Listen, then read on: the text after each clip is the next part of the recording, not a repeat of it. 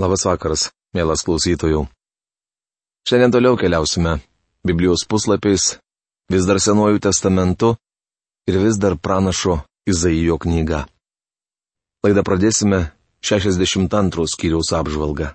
Tema - Mesijo tikslas Izraeliui, tūkstantmetės karalystės belaukiant ir ateities pranešimas. Prieš pradėdami nagrinėti skyrių Paveskime savo širdis ir mintis Dievui. Tangiškasis tėve, mes dėkojame tau, kad galime ir vėl būti susirinkę tavo akivaizdoje, atidėti visus savo darbus ir rūpešius ir paprašyti tavęs, kad tu parodytum savo maloningumą, kaip rodė iki šios dienos. Dėkojame tau, kad tu saugojai ir saugojai rūpinaisi ir rūpinėsi bei pažadėjai pasirūpinti visakuo mūsų gyvenime. Dėkojame tau už tavo žodį, į kurį galime žvelgti, iš kurio galime mokintis. Dėkojame tau už tas nuostabes pranašystės, kurias galime skaityti ir mūsų viltis viešpate šiandieną nukeliauja labai toli. Į tą laiką, kada mes galėsime kaip tikintieji mėgautis tavo artumu. Gyventi nuostabėje draugystėje tavo sunaus akivaizdoje. Prašom, kad tu padėtum mums šį vakarą vėl nusikelti į pranašo Izaijo laikus, gerai suprasti tą laikmetį, tai ką pranašas skelbė, ir supratus būti įsitvirtinusiems tikėjime ir pasitikėjime tavimi. Atverk taip pat akis tiems, kurie dar tavęs dvasiškai nemato. Pameldžiame Kristaus Jėzaus vardu. Amen. Šiame skyriuje rašoma, kad Mesijas laukia būsimų džiaugsmų. Jų turėtų ilgėtis ir kiekvienas tikintysis. Deja dažnai tikintieji būsimojo Kristaus ateimo laukia norėdami pabėgti nuo savo problemų. Jie mano, kad tai mechanizmas padedantis išvengti nemalonumų. Žmonės įsivelia į keblės situacijas ir nori, kad viešpats ateitų jų išvaduoti. Kai mokiausi seminarijoje, vienas iš mano bendrakursių buvo kanadietis. Jis buvo šaunus vaikinas, tačiau be humoro jausmo, todėl aš ir kiti studentai mėgdavome iš jo pasijuokti. Kartais po pietų jis išeidavo į lauką, pažvelgdavo į dangų ir sakydavo, o kad dabar sugrįžtų viešpats. Šiuos žodžius jis visuomet ištardavo hebrajų kalbos paskaitų išvakarėse. Hebrajų kalbos paskaitos iš tiesų buvo sunkios. Tad mano bičiulis tai sakydamas iš tikrųjų turėdavo omenyje, jog tingi ruoštis hebrajų kalbos paskaitoms. Jau kitą dieną po mokyklos baigimo jis turėjo vesti labai gražią merginą. Išleistuvių išvakarėse jis išėjo į lauką, pažvelgė į dangų ir tarė, tikiuosi per artimiausias kelias dienas viešpats nesugrįž. Taip elgiamės daugelis iš mūsų. Kai reikalai prasti ir mums vyla padai, norime, kad viešpats sugrįžtų ir juos atvėsintų. Mesijo tikslas Izraeliui. Dėl Siono aš netylėsiu, dėl Jeruzalės nenurimsiu, kol jos teisumas nesušvis kaip aušra ir jos pergalė nesuliepsnos kaip deglas. Izaijo knygos 62 skyriaus pirmą eilutę. Šiandien Jeruzalėje nėra ramybės, nes ten nėra mesijo. Jis sėdi Dievo tėvo dešinėje, laukdamas dienos, kada jums valdyti šį miestą ir įgyvendins savo teisumą. Jei tik jums patinka, galite vadinti Jeruzalę šventuoju miestu, tačiau šiandien ji nėra šventa. Tačiau vieną dieną galybių viešpaties uolumo dėka šis miestas iš tiesų bus šventas. Karalystė įkurs ne žmogus. Akivaizdu, kad šiandien to padaryti nepajėgi net jungtinių tautų organizacija. Nemanau, kad kas nors, išskyrus Kristų, gali atnešti pasauliui taiką. Tai gali įvykdyti tik galybių viešpaties uolumas. Pranašas Izaijas, kaip ir kiekvienas dievobaimingas žmogus, su nekantrumu laukė tos dienos. Šiandien visa kūrinyje ir visi tikintieji, mąstydami apie ateitį, dūsauja. O jūs? Mielas bičiuli, ar dar nepavargote nuo šios žemiškos kelionės? Ar trokštate bendrystės, kuri jūsų laukia tėvo namuose? Šios klausimus savo užduoti turėtų kiekvienas tikintysis. Išvystumet tautos tavo teisumą, o visi karaliai tavo šlovę. Tu būsi vadinama naujų vardu, kurį tau suteiks pats viešpats. Izaijo knygos 62 skyriaus antra eilutė. Prie naujos širdies, naujos situacijos, naujos žemės, naujo teisumo būtinas ir naujas vardas. Nežinau, koks bus naujas Vernunas magy, bet džiaugiuosi atsikratęs senuoju. Mes būsime nauji ir gyvensime naujojoje Jeruzalėje. Kokia nuostabi perspektyva.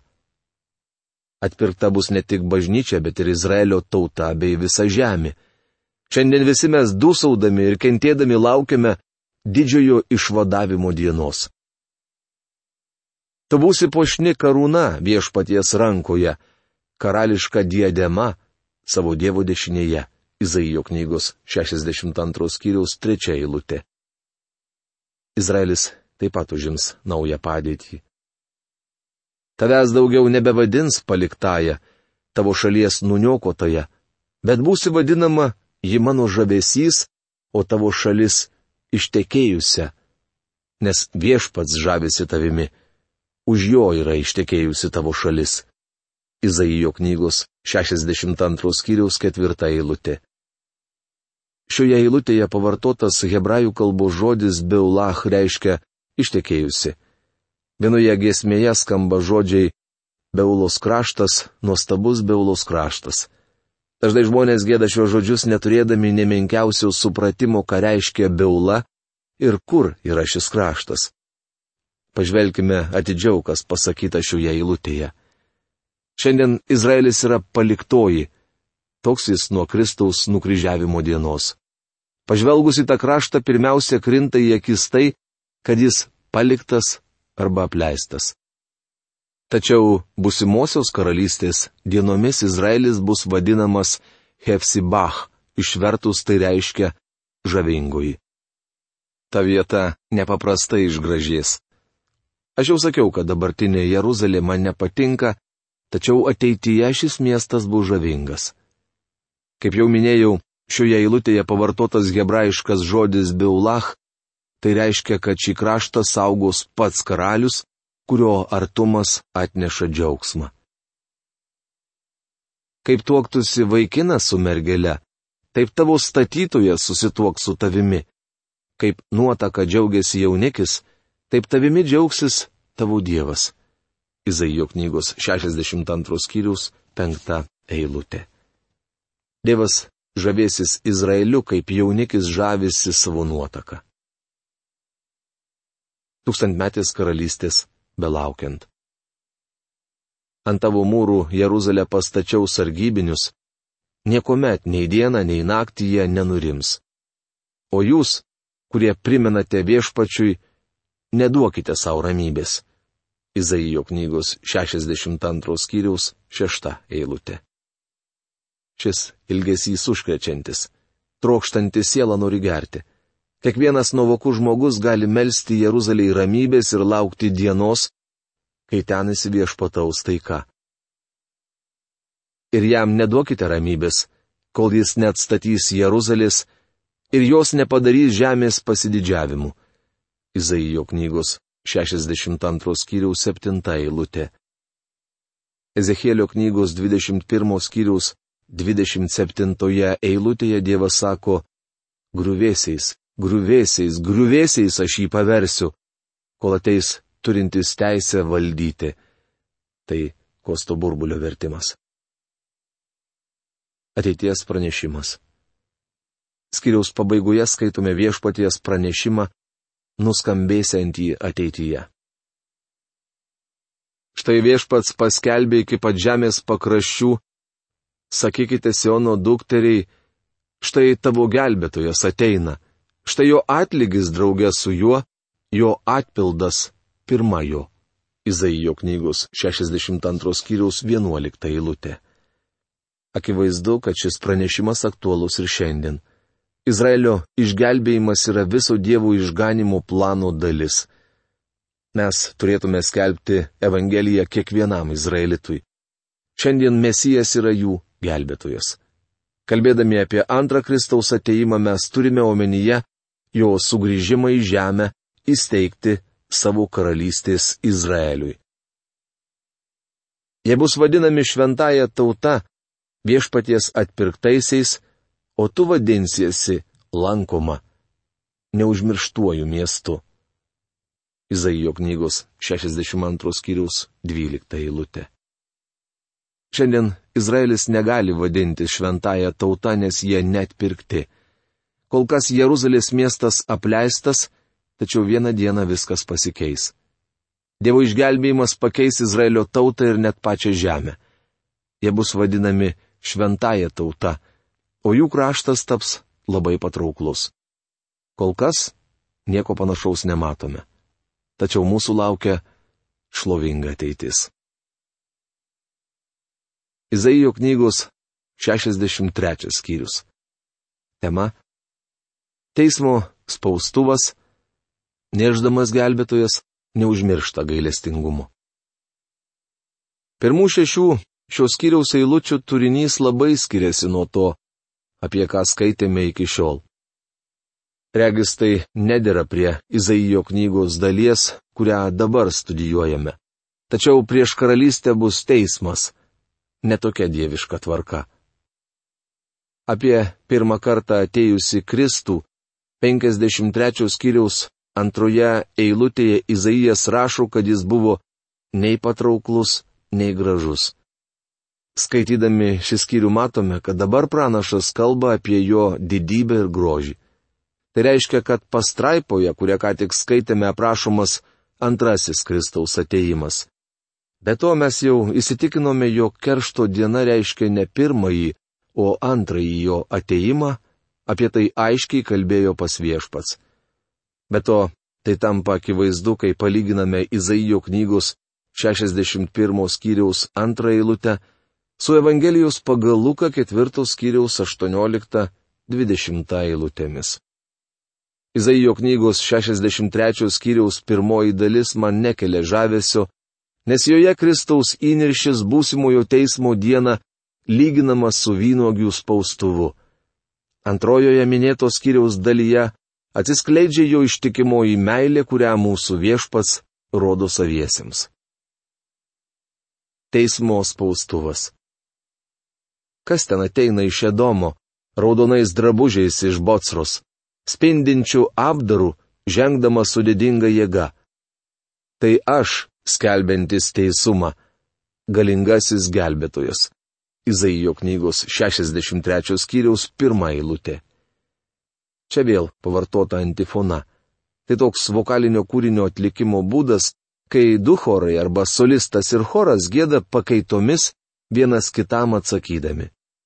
Klausiantieji, kas ten ateina iš Edomo, yra sužavėti ateinančiojo grožio ir didybės. Jis ateina iš Edomo ir rytų. Zacharijo knygos 14 skyriaus ketvirtoje eilutėje pasakyta, kad jo kojos stovės ant alyvų kalno, esančio į rytus nuo Jeruzalės. Turėtume nepamiršti, kad Edomas ir Botsra yra geografinių vietovių pavadinimai. Tačiau šie pavadinimai turi dar ir kitą reikšmę Edomas simbolizuoja kūnišką prigimtį ir visą Adomo giminę.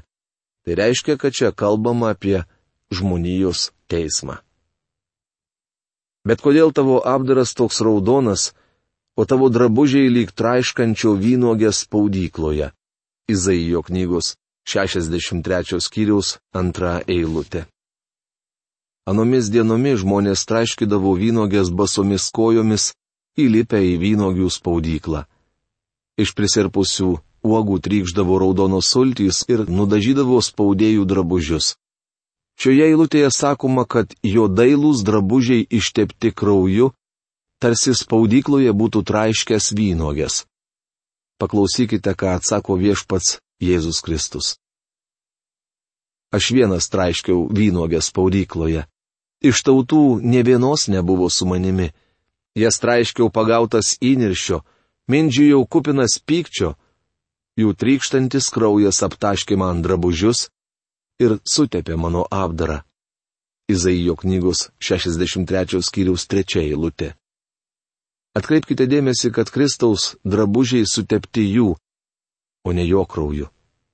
Ankstyvieji bažnyčios tėvai pirmas šešias šios skyriaus eilutes siejo su pirmuoju Kristaus ateimu.